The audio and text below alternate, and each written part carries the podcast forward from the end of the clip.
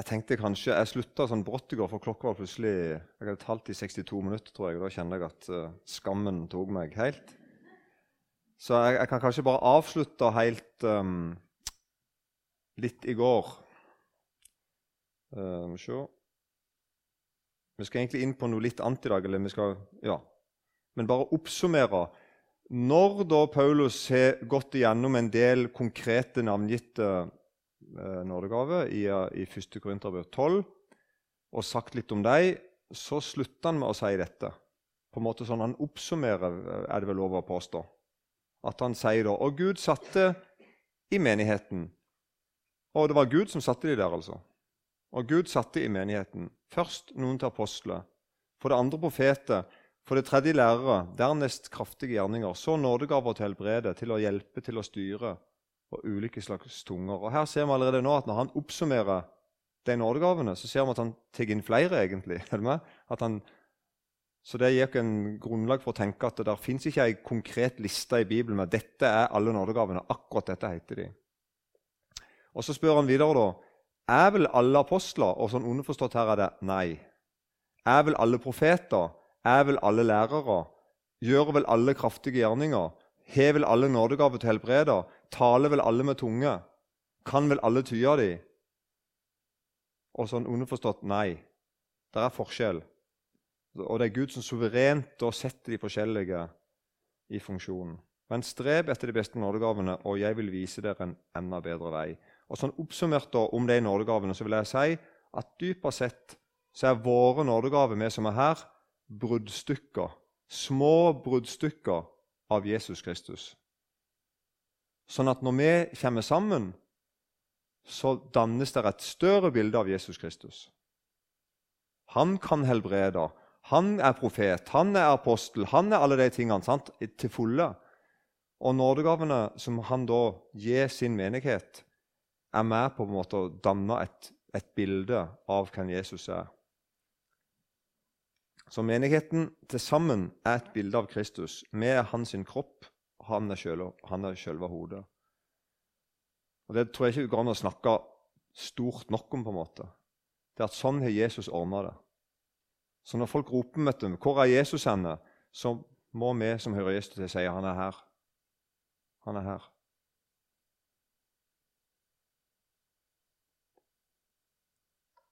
Så det er svære ting det du også sa. det å tenke på, liksom, på Tenk at uh, jeg er med i dette her. Uff for meg nærmest, på en måte.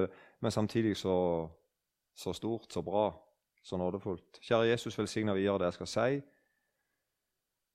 for navnets skyld og for riket ditt skyld.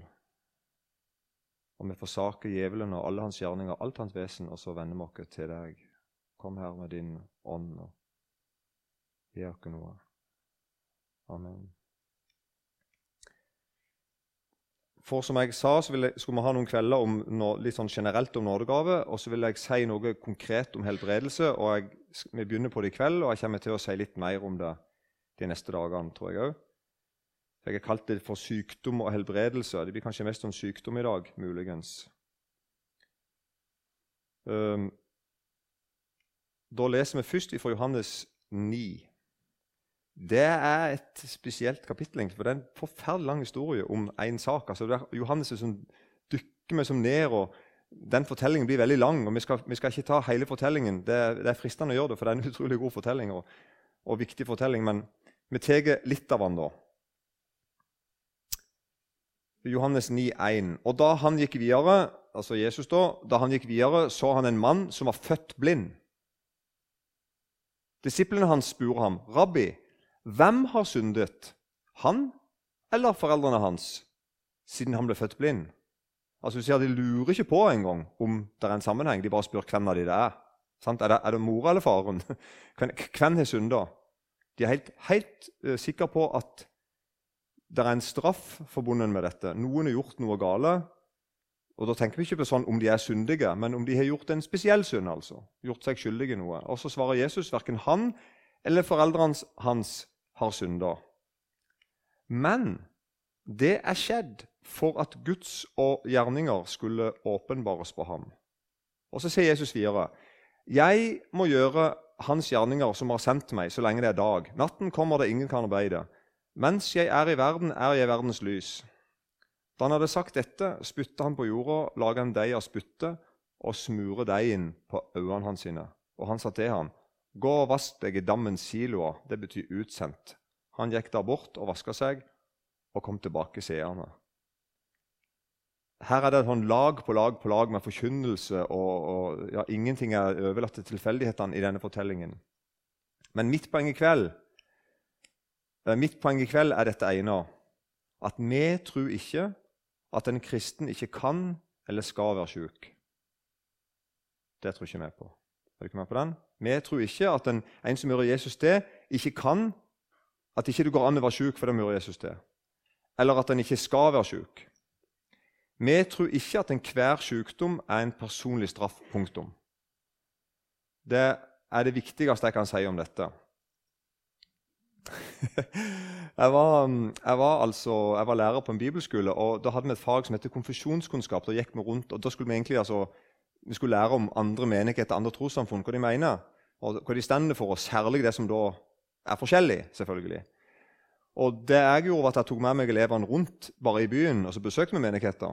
Selvfølgelig avtalt om, ikke bare sånn og avtalte, og så møtte vi forskjellige menigheter. Og I én menighet vi var, så ble dette veldig sentralt. At eh, han som var leder der, han fortalte veldig mye om helbredelse. Og, og sånn.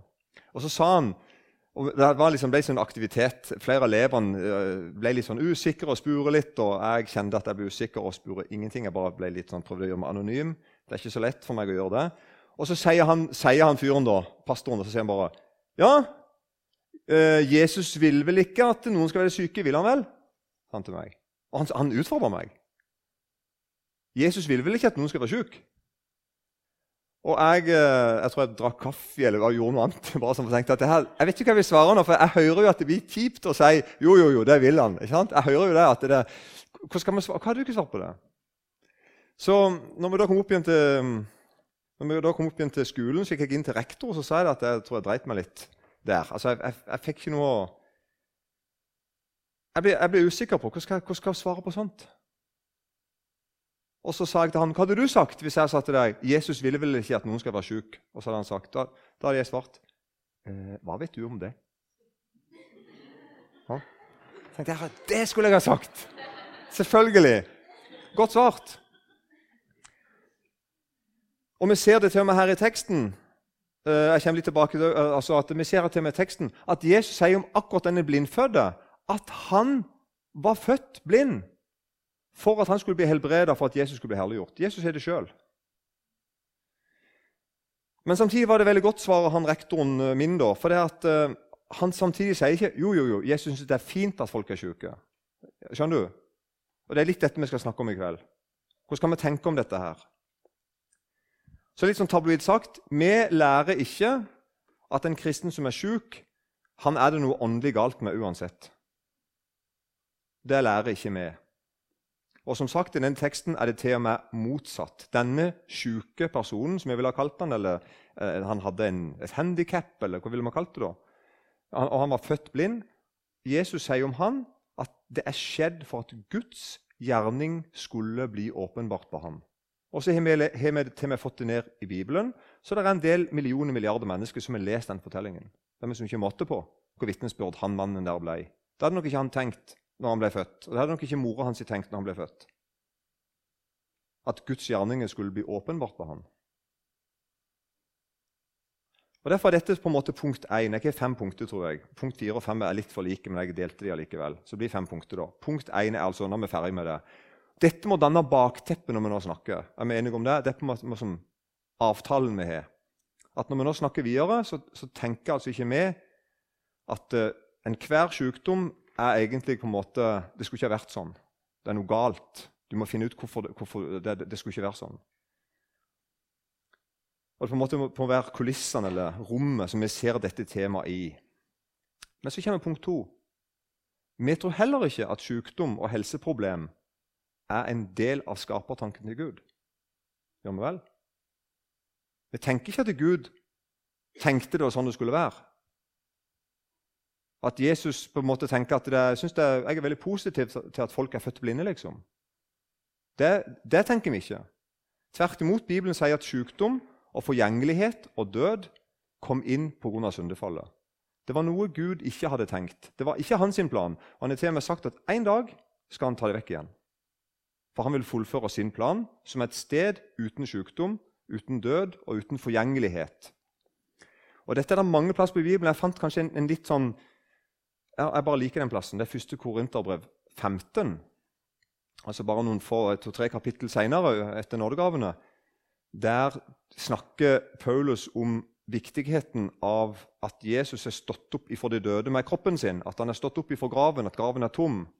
Hvis det ikke så er på en måte kristen tro forgjeves.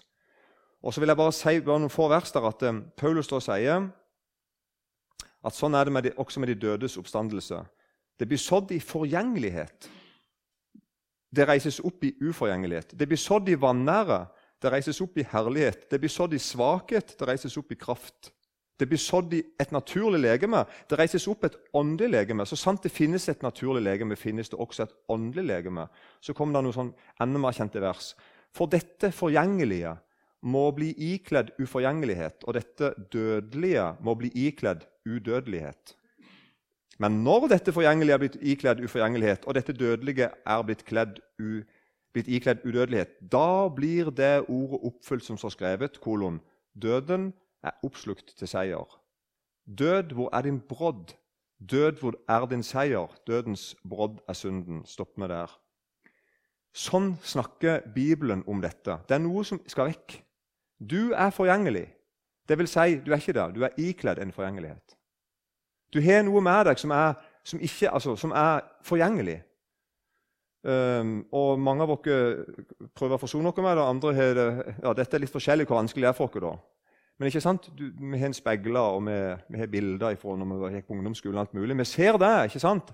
at det er en forgjengelighet ute og går. Vi er ikledd en, en, en, forgjengelighet. Men Jesus sier at, og Bibelen sier altså at en dag skal vi bli ikledd en uforgjengelighet.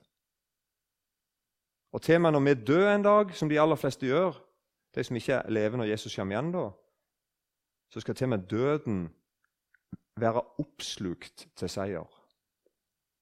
Så vi dør ikke når vi dør. Vi bare går inn i evigheten sammen med Jesus. Men dette er på en måte forholdet likevel Bibelen har til død og sykdom. Det er noe som skal vekk. Det skulle ikke ha vært sånn. Det er ikke bra.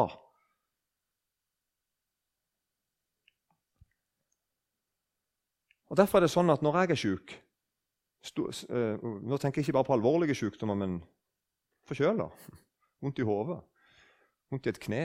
Når jeg er sjuk, og du er sjuk, så veit vi at dette er en direkte årsak av synden. Er du ikke enig i det? Og Derfor er det sånn at jeg må rett og slett ha en frimodighet når jeg er sjuk. Jeg må rett og slett vite det at, at jeg er elsker av Jesus for dermed jeg nå er direkte eh, påvirka av synden. Er du med? Altså, nå, nå, er jeg et, på en måte et levende bevis på at ting ikke er som det skal, heller ikke med meg. Synden sine følger har ramma meg. Jeg er sjuk. Og Da er det altså sånn at en, en, som hører Jesus til, kan vite at det er ingen fordømmelse for den som skjuler seg i Kristus. Det går an å være sjuk og på en måte ha, altså, ha en helt konkret følge av syndefallet på kroppen sin og allikevel vite det er ingen fordømmelse hos Gud. beste plassen jeg vet om dette, her, det er fra Jesaja 53. Sannelig, våre sykdommer har han tatt på seg. Og våre piner har han båret. Han, men vi akter han for plager, slått av Gud og gjort elendig. Men han ble såra for våre overtredelser, knust for våre misgjerninger. Straffen lå på han for at vi skulle ha fred, og ved hans sår har vi fått legedom. Og da vet vi det at Når Jesus tok sine synder på korset, for det har han gjort, så betyr ikke det at jeg ikke lenger er sunn. Det sier Johannes rett ut, at hvis du sier du ikke er sunn, så lyver du, og sannheten bør ikke i deg. Men det betyr likevel det at når jeg gjør ei synd, når jeg synder, når jeg må innrømme at det, er noe her som ikke er som det skal, så kan jeg gå til, til Jesus ikke sant, og vite at han tilgir meg mine synder. Er du ikke enig i det? Sånn er det med sykdommene dine. Det er ingen sykdommer som kan ta ifra deg freden du har i Jesus. Så når jeg er preget av synden, som sykdom dypest sett er en konsekvens av, så kan jeg søke tilflukt i Jesus sine sår, i Jesus sitt blod, i Jesus sin død. Egentlig veldig rart. Og der, Men det gir mening, ikke sant? Så kan du klynge deg til Jesus. Det er ingen fordømmelse for den som er i Kristus Jesus.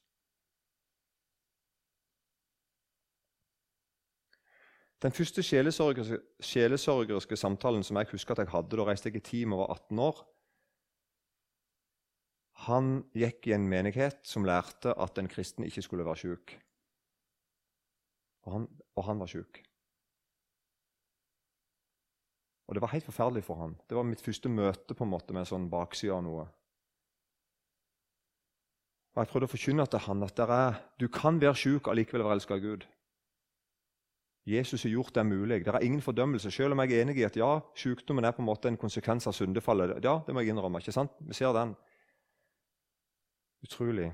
Jeg vet ikke hvor forhold du er til dette. her. Mange, mange av oss er kanskje Nei, dette er helt ukjent for. Vi har aldri tenkt tanken engang at det kan være noe problem med å være syk. På en måte, ikke sant? Så på en måte fred være med deg som tenker sånn. Samtidig så skal jeg problematisere litt det. Um, for det at Bibelen lærer oss at vi kan be om å få slippe. Når du er syk, så kan du be om å få slippe.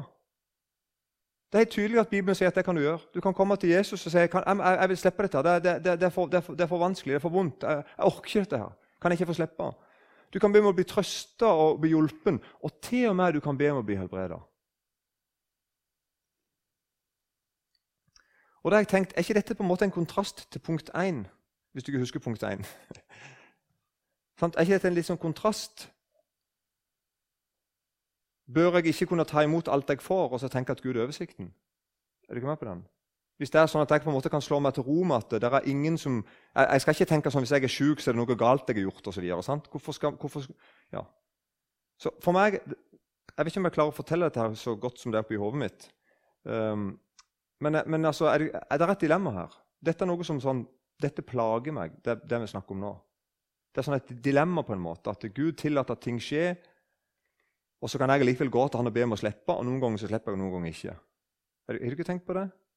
Det er, sånn, det er som ikke et mattestykke, dette her. Så det er som det jeg vil prøve å snakke med dere om i dag. Og For å gjøre det enda mer komplett Dette er kanskje det mest nydelige bibelverset jeg vet om. Johannes 11, 35. Det har jeg lært utenat. Det er så langt.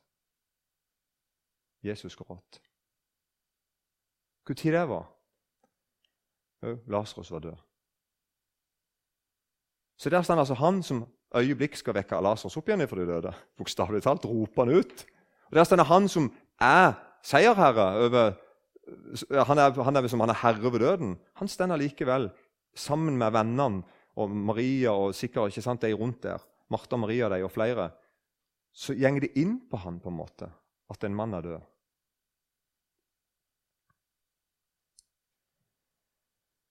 Det er noe rart med det for meg. Var det Maria som sa det? Du skulle komme før. Hva var det eller Martha som sa det? Du skulle komme før. Du skulle, du skulle komme med en gang. Jeg er helt enig i det. Kommer han der med som sånn? Og, det er rart. Det er noe rart her. Så det er liksom Ja. Det er noe her jeg ikke skjønner, og, og, og, og det gjør ikke du heller. altså, det er noe her vi ikke skjønner, altså skjønner, forstår.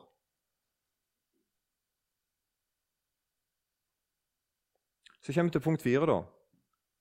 Jesus avdekker at noen sykdommer har en åndelig karakter, karakter, eller er ikke en vanlig sykdom. Nå, nå, bare bruker jeg mine egne bygdeuttrykk. Dette er ikke noe sånn korrekt eh, språk eller tatt ifra en teologi her og der. Så nå håper du ikke er med meg på hva jeg mener med det. Når vi leser i Det nye testamentet, så ser vi i det gamle også, for så vidt, men når vi leser i det Nye testamentet, så ser vi at noen sykdommer Det er ikke sånn at hver gang noen er syke, så har det ingenting med deres liv å gjøre.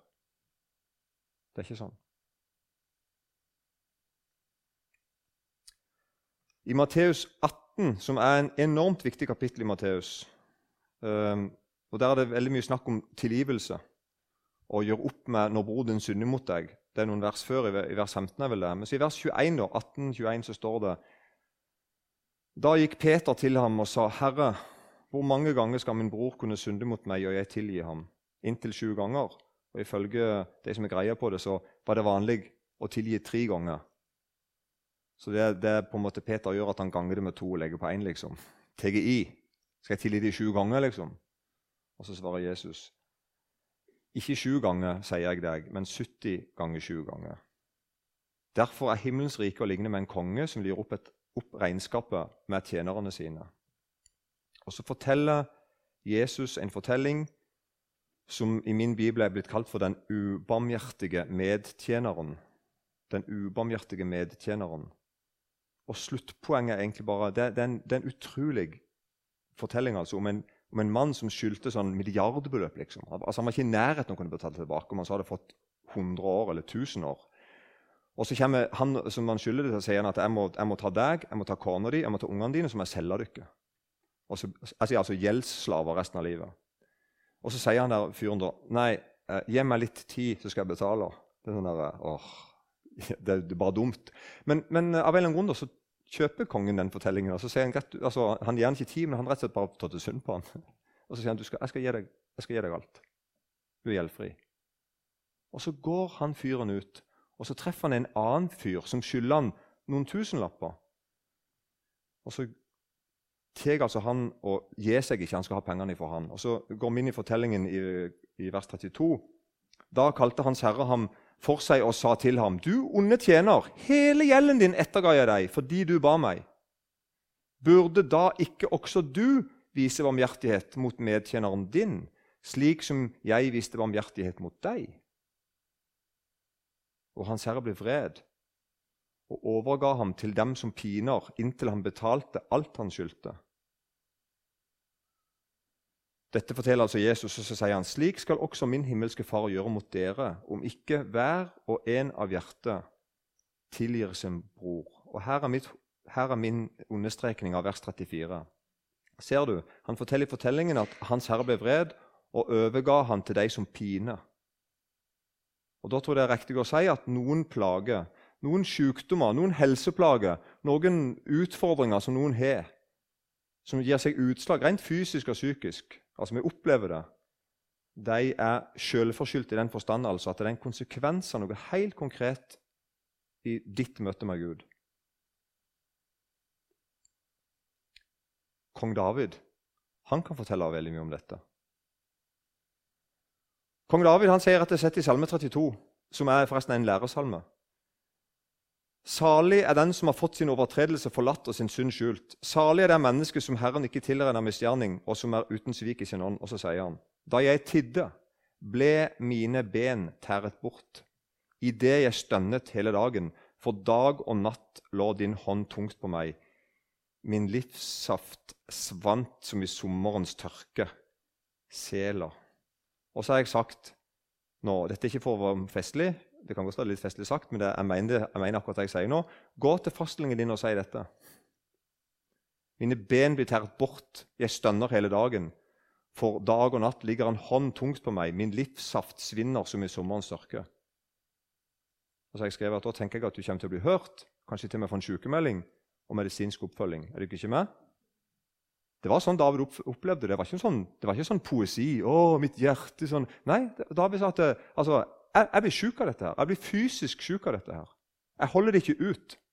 Da ligger jeg hånd på meg som er så tung at det, altså, livet mitt er i ferd med å forsvinne. Jeg holder på å dø. Altså, David sier egentlig 'jeg holder på å dø'. Hva da av? Av uoppgjorte synder.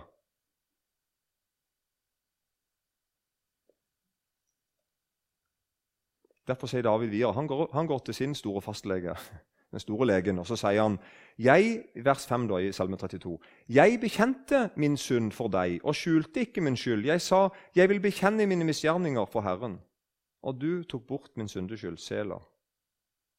Derfor, la hver from be til deg den tid du er å finne. Visselig når store vannflommer kommer, til ham skal de ikke nå. Du er mitt skjuleste. Du vokter meg for trengsel. Med frelsesjubel omgir du meg. Sela. Og det er poenget mitt her, altså, Merk David ble helbreda ifra en sjølpåført lidelse, hvis det går an å si. Det var noe han hadde gjort. Gud sendte en profet, Natan, til han, som avslørte det, avdekte det, sette fingeren i såret. Og David kan fortelle hvordan han hadde det før, og hvordan han fikk det etterpå. Jeg har opplevd veldig mange sånne fortellinger. Ikke kanskje så heftig som, som, kong David, men jeg har opplevd mange fortellinger av folk jeg møter, som har vært sjuke i årevis. Og da mener jeg sjuke. Helt sånn En lege vil kalle det sjuk. Du kan, bli du kan få en sykemelding for det. Og som til slutt innser at 'jeg lever uoppgjort'. Jeg er bitter. Jeg er full av hevn. Jeg er med i noen partier. Jeg ligger i krangler. Jeg er ubotferdig, eller hvordan han kaller det. ikke meg? Altså sånn.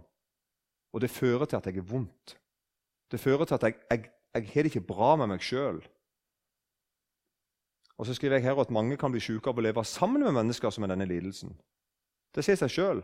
Det å altså være i et miljø der folk går rundt og, og har det uoppgjort Der beina dine blir, blir tært bort, og livssaften din svinner som i sommerens tørke. Jeg hører det jo for meg. Altså, tenk å leve sammen med noen som opplever det. det, det så jeg skrevet her at kaller, altså, Det blir på en måte nesten en arvelig sykdom. Tenk å leve i et miljø der dette er vanlig. Der far min hadde det sånn, mor mi hadde det sånn, bestefar min hadde det sånn. Er ikke med? Bare for å ta et eksempel. Dette er veldig viktig, og jeg har sett en enorm kraft i korset når en synder vender om. Altså, når du må gå til korset bokstavelig talt og si at 'dette må jeg' Jeg har prøvd å unngå, jeg har prøvd ikke å tenke på det. eller jeg, Noen sier til meg at 'jeg visste ikke at det var så alvorlig'. Ikke tenk på det sånn.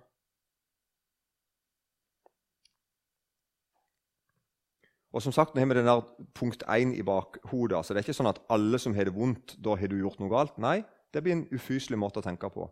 Men det er godt mulig at òg noen som hører på nå, har vondt pga. noe du vet at du kunne gjort noe med. Det er én ting til jeg vil si om Salmen 32. og det er det at eh, han, eh, David sier i, i vers 2 at salig er det mennesket som Herren ikke tilregner misgjerning, og som er uten svik i sin ånd. Og Det er veldig godt sagt det første der, at salig er det mennesket, salig, altså lykkelig, frelst, Guds barn er det mennesket som Herren ikke tilregner misgjerning. Altså Egentlig hadde du misgjerning, men Herren tilregner deg det ikke. Du slipper fri. Ikke sant? Det er fint sagt. Så kommer det et komma, og som er uten svik i sin ånd. Og hva er svik i sin ånd? Det er sikkert mange måter å si det på. Men det er egentlig å ville ha tilgivelse for syndeskylden. Altså, jeg vil, jeg vil gjerne slippe skammen, skylden, straffen, men jeg, ikke, jeg har ikke lyst til å miste synden. Det er liksom å be om kan ikke jeg få tilgivelse for noe, men jeg har ikke tenkt å omvende meg. Jeg vil fortsette med det. Jeg vil fortsette på min vei. Jeg vil fortsette med et liv på kanten av en, en ting, eller, eller, helt på utsida av en ting, er, er, på en måte i strid med Gud, egentlig, og du vet det, så sier du at å, det rammer samvittigheten min, det rammer livet mitt, jeg kjenner på at det er ikke bra. Og så, altså, Jeg vil gjerne ha tilgivelse. Jesus, kan ikke du komme og ikke tilregne meg mine misgjerninger? Og så gjør på en måte Jesus det kan være. Men etter hvert så, ser, så oppdages det, eller så ser du, så kommer det til altså, Du har svik i din ånd. Jeg vil ha nåden din, Jesus, men jeg har tenkt å bruke den til fortsatte synder. Det er planen min. Jeg har ikke tenkt å omvende meg. Det er farlig, og ikke minst det er åndelig livsfarlig. Men òg det vi snakker om i kveld, da, i forhold til sykdom og sånn. Det er ikke godt for helsa, dette her, for å si det sånn.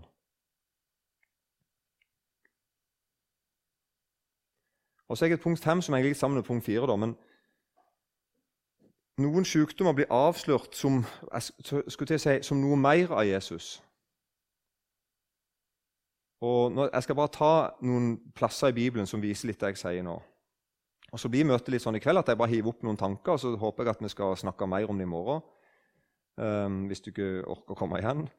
Uh, men i Lukas 4 og 38 så er det en ganske kjent fortelling om eh, Jesus som kommer inn i huset til Peter, eller til Simon og Peter. da. Eller jeg vet ikke om det er huset hans, det er iallfall svigermor sitt hus. Jo, det er Simons hus, da, her. Så bodde svigermor og Simon, kanskje? Ja, ja. Han sto opp, Lukas 4, 38, han sto opp og forlot synagogen det er Jesus da, og kom inn i Simons hus. Men Simons svigermor lå syk med høy feber, og de ba ham hjelpe henne. Han trådte da til og sto over henne og truet feberen, og den forlot henne.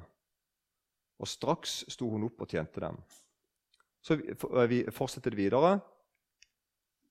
Men ved solnedgang kom alle med sine syke, som led av mange slags sykdommer, og de førte dem til ham.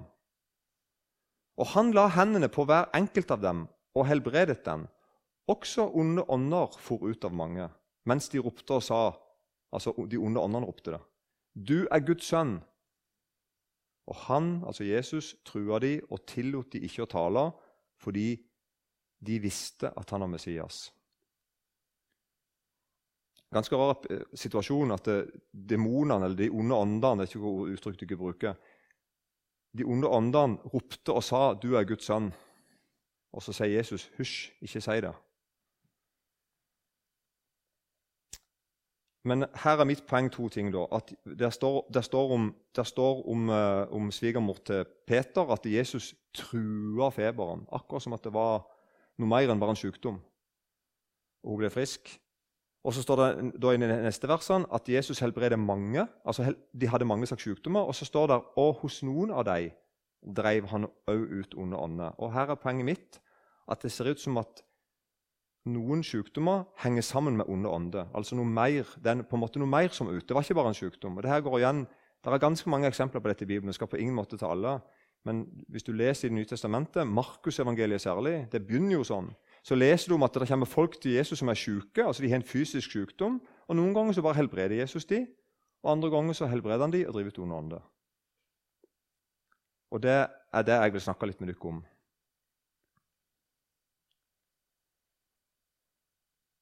En annen plass er det i Lukas 13 og vers 11.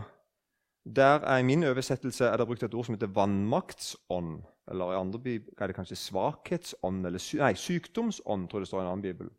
Vannmarksånd. Lukas 13, 11 og utover. Og se, det var en kvinne der som hadde, en, som hadde hatt en vannmaktsånd i 18 år. Hun var krumbøyd og kunne ikke rette seg opp.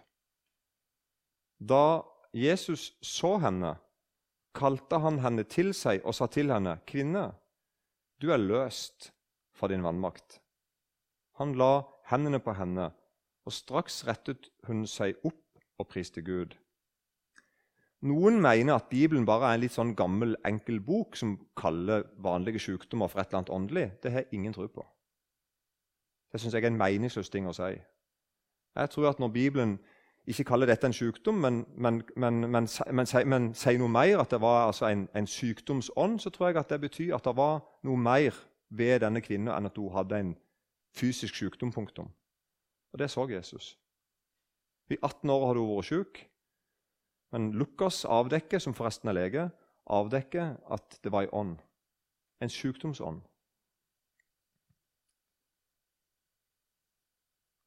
I Det nye testamentet Det er litt forskjell i oversettelsene våre, da. Men i Det nye testamentet så ser vi at da er det noen navn på noen onde ånder sånn i forhold til sykdom. da. Og i forhold til, ja. Og det er um, I Markus 9 og vers 17 så leser vi om ei stum ånd. Og i Markus 9 og vers 25 så leser vi om en, det samme, da, samme fortellingen om en stum og døv ånd. Og så leser vi nå i Lukas 13 om en sykdomsånd, eller en vannmaktsånd.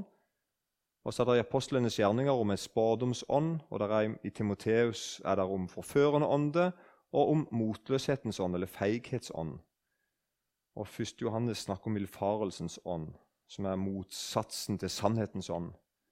At vi har ikke fått villfarelsens ånd, men vi har fått sannhetens ånd. Så det store bildet, som ikke kan sies i en kort setning mens vi drikker kaffe og spiser kake, er viktig. Er dere med på den? Det er, er noe vi ikke kan bare si sånn mellom en to kaffeslurper. Vi kan ikke si alt det vi snakker om bare sånn enkelt, bare si det rett ut. Det er lett for å trekke raske slutninger og se på alt annet som selvmotsigelse osv. Så, videre.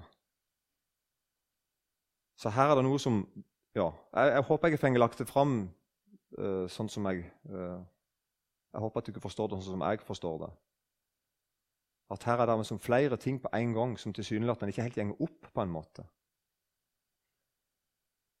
Og Jeg tror at noen velger å tenke at å, jeg ser dekning i Bibelen for at Jesus ikke vil vi skal være syke. Ja vel, Da lærer vi det at ingen skal være syke, og at hvis noen er syke, så er det et eller annet feil med troen deres. Så går vi for det. ikke vel? Og andre kan liksom nesten bare ha knefall for sykdom og nesten ikke tatt oppgjør med det onde. Men det er tydelig at Jesus gjør et eller annet annet, og det har jeg lyst til å få tak i. Er du ikke med på det? Og dette vi snakker om nå, dette er òg spesielt. Dette må fram i bønn for syke. Når jeg ber for syke, eh, så, pleier jeg det ikke alltid, for noen ganger så passer det ikke sånn. Men jeg prøver det jeg kan, at når jeg ber for syke, salver og ber for syke, så ønsker jeg å treffe vedkommende minst én gang og snakke med dem ansikt til ansikt. Fordi at jeg tror dette vi har snakket om, som nå ligger bak, er en del av bildet. Og Det står jo sånn i Jakob 5. Vi var inne på det en kveld før, eh, men jeg bare leser det her, for det er veldig viktig. da. Eh, Jakob 5, vers 14 utover. Er noen blant dere sjuk? La han kalle til seg menighetens eldste, og de skal be for han og salve han med olje i Herrens navn. Og troens bønn skal hjelpe den sjuke, og Herren skal reise han opp. Og har han gjort synde, skal han få de tilgitt. Bekjenn derfor deres synder for hverandre og be for hverandre for at dere kan bli helbreda. Et rettferdig menneskes bønn har stor kraft og virkning. Og Her er det noe som er utrolig vanskelig å si til en person som er syk. Ikke sant? Det er veldig vanskelig å si dette. her, er du ikke enig i det? Hvis du bare kommer busende inn og sier du, du er syk, ja, kanskje alvorlig syk, kanskje dødssyk, og så sier jeg ja, nå, nå, skal jeg snakke litt med deg om, om livet ditt og gudsforholdet ditt og syndene dine. ikke sant? Det kan, det kan være så her skal han ha tunga beint i munnen tenker jeg, når han snakker med folk. og vel så det. Her skal han være godt forberedt. ikke sant? Men det er noe her. Det er noe her.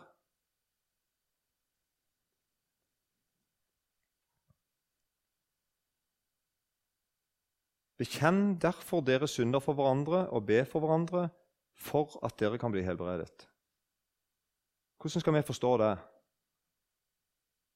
Vi kan ikke forstå det som at det er en slags betaling, at bare vi bekjenner nok, så, så er vi garantert å bli friske. Det kan ikke bety, det strider med mye annet, men det er likevel det er noe her.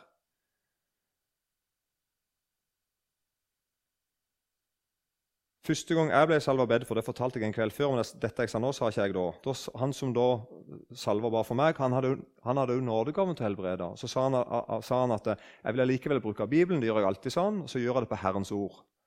Så las han Jakob 5, så satt faren min der, og så satt storebroren min der, for de hadde fulgt meg. Det var noen mil å kjøre. Og Da sa han at nå er det litt sånn vanskelig kanskje å snakke, for nå sitter der folk og hører på. Og, og, og sånn, Så sa han hvis du har du, du synder å bekjenne, så kjenner jeg jeg ble litt sånn ille ved. Jeg tenkte at ja, jeg har egentlig ganske mye sånn. altså Jeg tror ikke jeg er perfekt, liksom, hvis det er det du spør om. ikke sant? Men så sa han da det her var en, en gammel prest, så sa han at um, hvis det står noe for deg nå, hvis det står ei synd for deg nå, når jeg sier dette sånn, da vil jeg anbefale deg å gjøre den opp.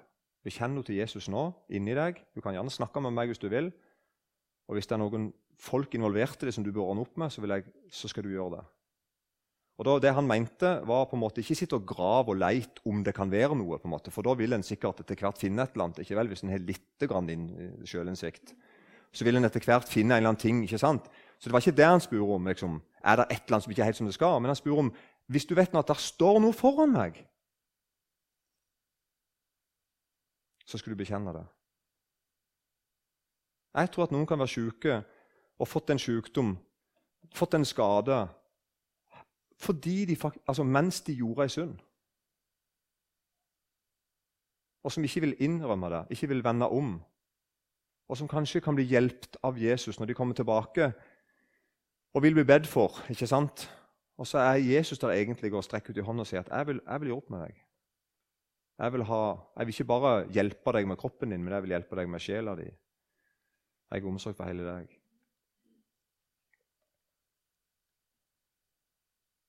Så Jeg vet ikke hvordan dere gjør det her når dere ber for syke, men, men uh, så her som sagt skal en være forstandig, at ikke folk føler at en på en måte mistenkeliggjør hverandre. eller ikke sant? At jeg føler meg som at å, de trodde kanskje at jeg, jeg følte meg ikke trudd liksom, på sykdommen min. Eller, ikke sant? Det må ikke bli sånn. Men at vi forstår at det er et større bilde her. Det er mange folk som sitter fast i sine synder. Mange folk sitter fast i sine synder, og de er plaga av dem. Vi snakker om plageånder. Ja, gjett om det fins plageånder. Og gjett om Jesus vet det. Som tar ifra deg helsa di, som tar ifra deg humøret ditt, som tar ifra deg motet ditt. Som gjør deg til en dårligere person enn du trenger å ha vært for andre, osv. Dette har jeg lyst til å snakke mer med sånne som dere om. Og med, med sånne som dere så mener jeg jeg tror at dere jeg, Du har ikke sagt at jeg er blant venner. Så, så, dette jeg sier nå, sånn som jeg snakker, dette er første gang jeg forteller dette til folk. det Jeg sier nå. Jeg har aldri sagt dette før til noen. Og De siste tre årene så har jeg lest ganske mye litteratur som, som jeg ikke har lest før, om, om onde ånder og om det onde generelt, og om, på, om hva, det, hva, det, gjør med oss, om Jesus sitt forhold til det. Og, og, jeg ser det er enormt mye i Det nye testamentet som jeg på en måte bare har lest forbi. For det, passer ikke til, det passer ikke på en måte, Det er ikke det vi er opptatt av. liksom. Og dette er noen av de tingene. da. Jeg tror vi kan bli et lett bytte for mye ondt òg, med å på en måte tenke at vi, vi bare lukker øynene og så håper vi det går over, eller håper det går godt. eller, ja. Og Det som er vanskelig for meg, er at jeg, jeg har ikke sånn en punchline nå liksom, og sånn skulle du ikke tenke om det. Så jeg, det jeg, jeg håper at jeg, at jeg, er med på å gjøre, er liksom bare å legge fram to-tre ting, og så kan vi, kan vi, ta, kan, vi ta, imot det hvis det går an å si, og tenke på hva tenker vi, hva, vil, hva tenker vi om dette her.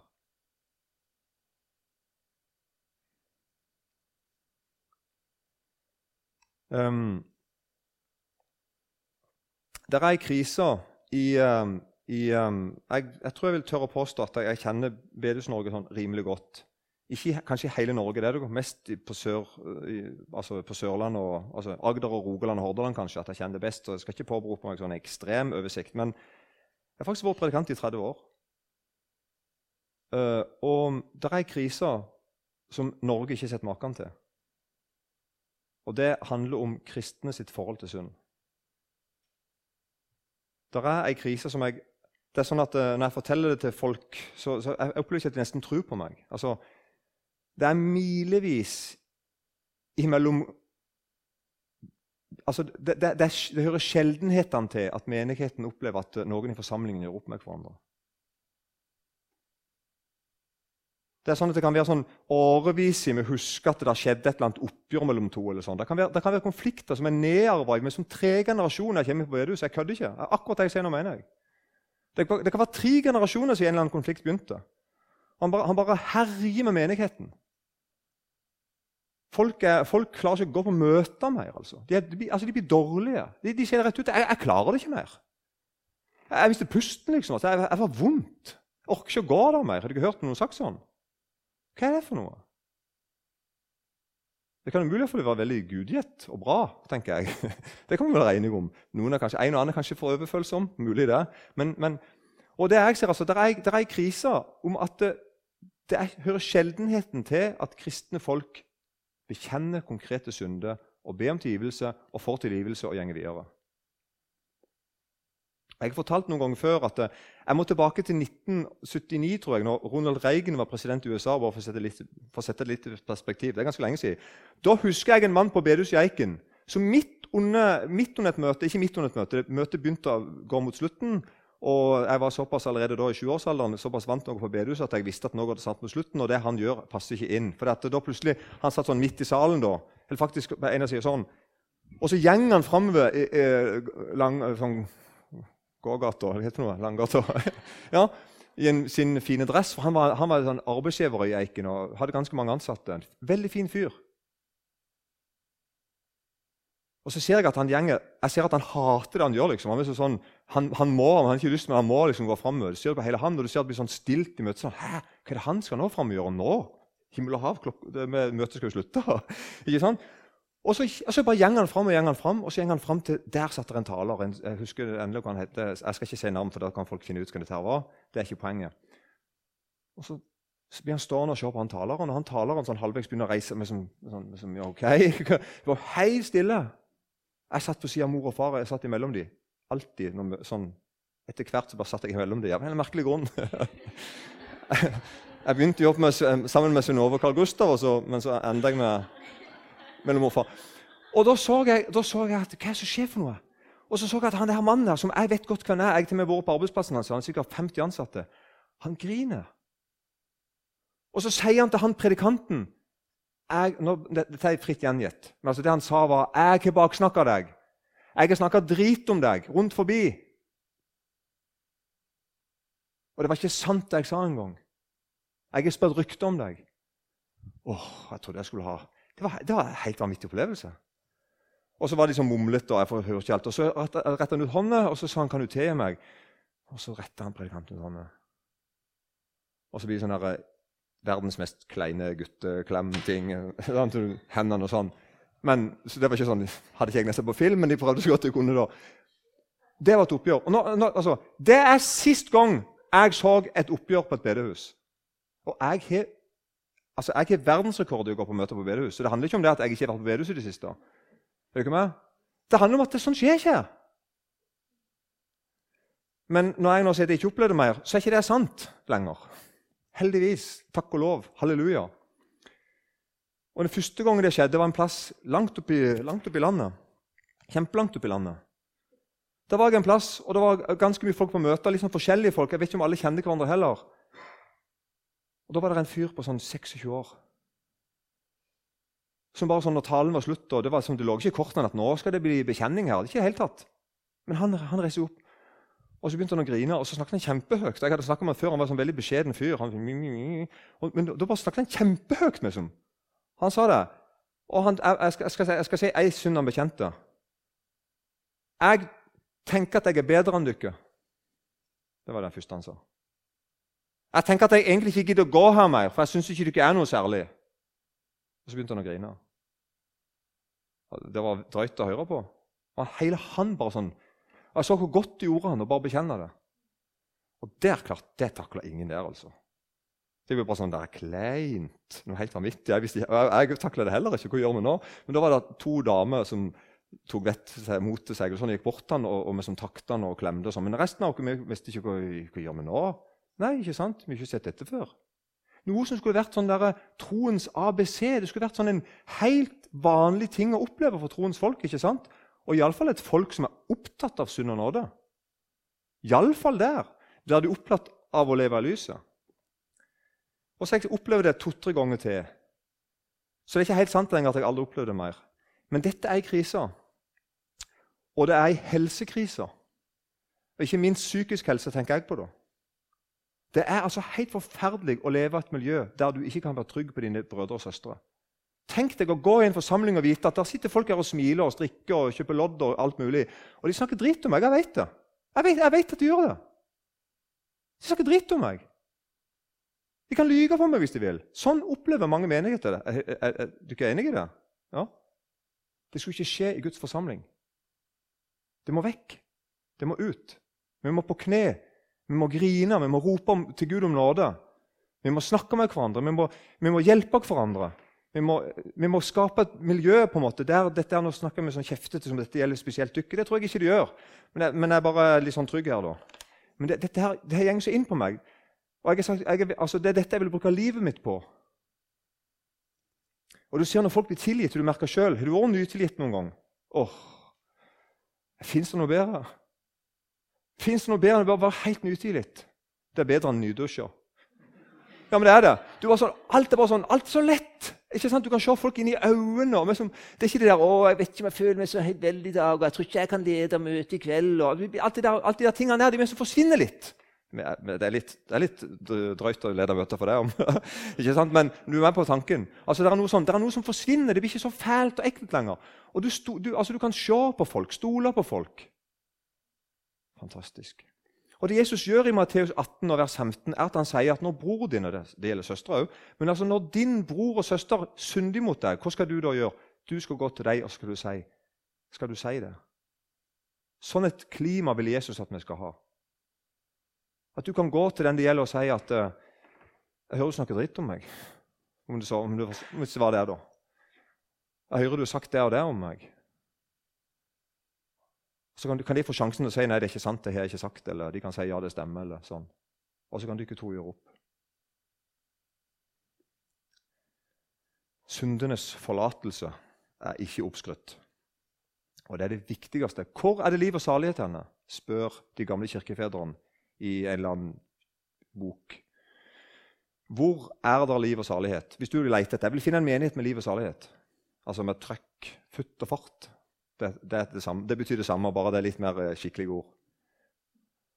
Hva sa våre kirkefedre for 1000 år siden at det var? Der hvor syndenes forlatelse er, der er det liv og salighet. Det er så enkelt og så vanskelig på en gang. Der syndenes forlatelse er, der er det liv og salighet. Der er det liv og salighet. Og jeg vil legge til en ting til. Der tror jeg det er helbredelse. I ordets breieste forstand.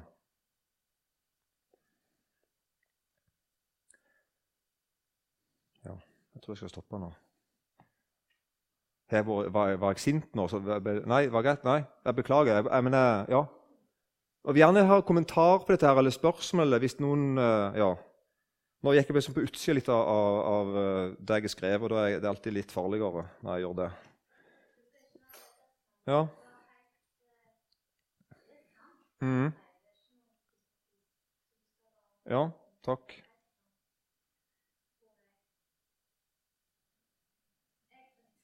Ja. Og Derfor tror jeg at, uh, ja, tror jeg at i sånne miljøer så er det, er mer, er mer trygt å komme og be om bønn for en sykdom, for et problem. ikke sant? For du er, du er, du er utgangspunktet trygg med venner, med brødre og søstre. Vi kan stole på hverandre. Og, og, og, og, vi tror ikke at noen her er perfekte. Og, det er så godt, for det, det tror jeg enda mer på. Hvis du ikke er helt fantastiske, så tenker jeg at her tør ikke jeg å gå. for det du greier jo ikke det. Så det, er mye bedre når, det på en måte ser at ja, her er ting litt sånn humpete og klattete, men, men, det er ekte, det er sant. Det går an å leve her og være her og puste her og bo her. Og, ikke sant? Så kjenner vi at her kan jeg være. Det tror jeg er viktig. Jeg tror det har mye å si for helsa vår og, og, sånn. Ja, jeg tror jeg stopper der. Kjære Jesus. Ja, Nå så du hvordan det ble, da.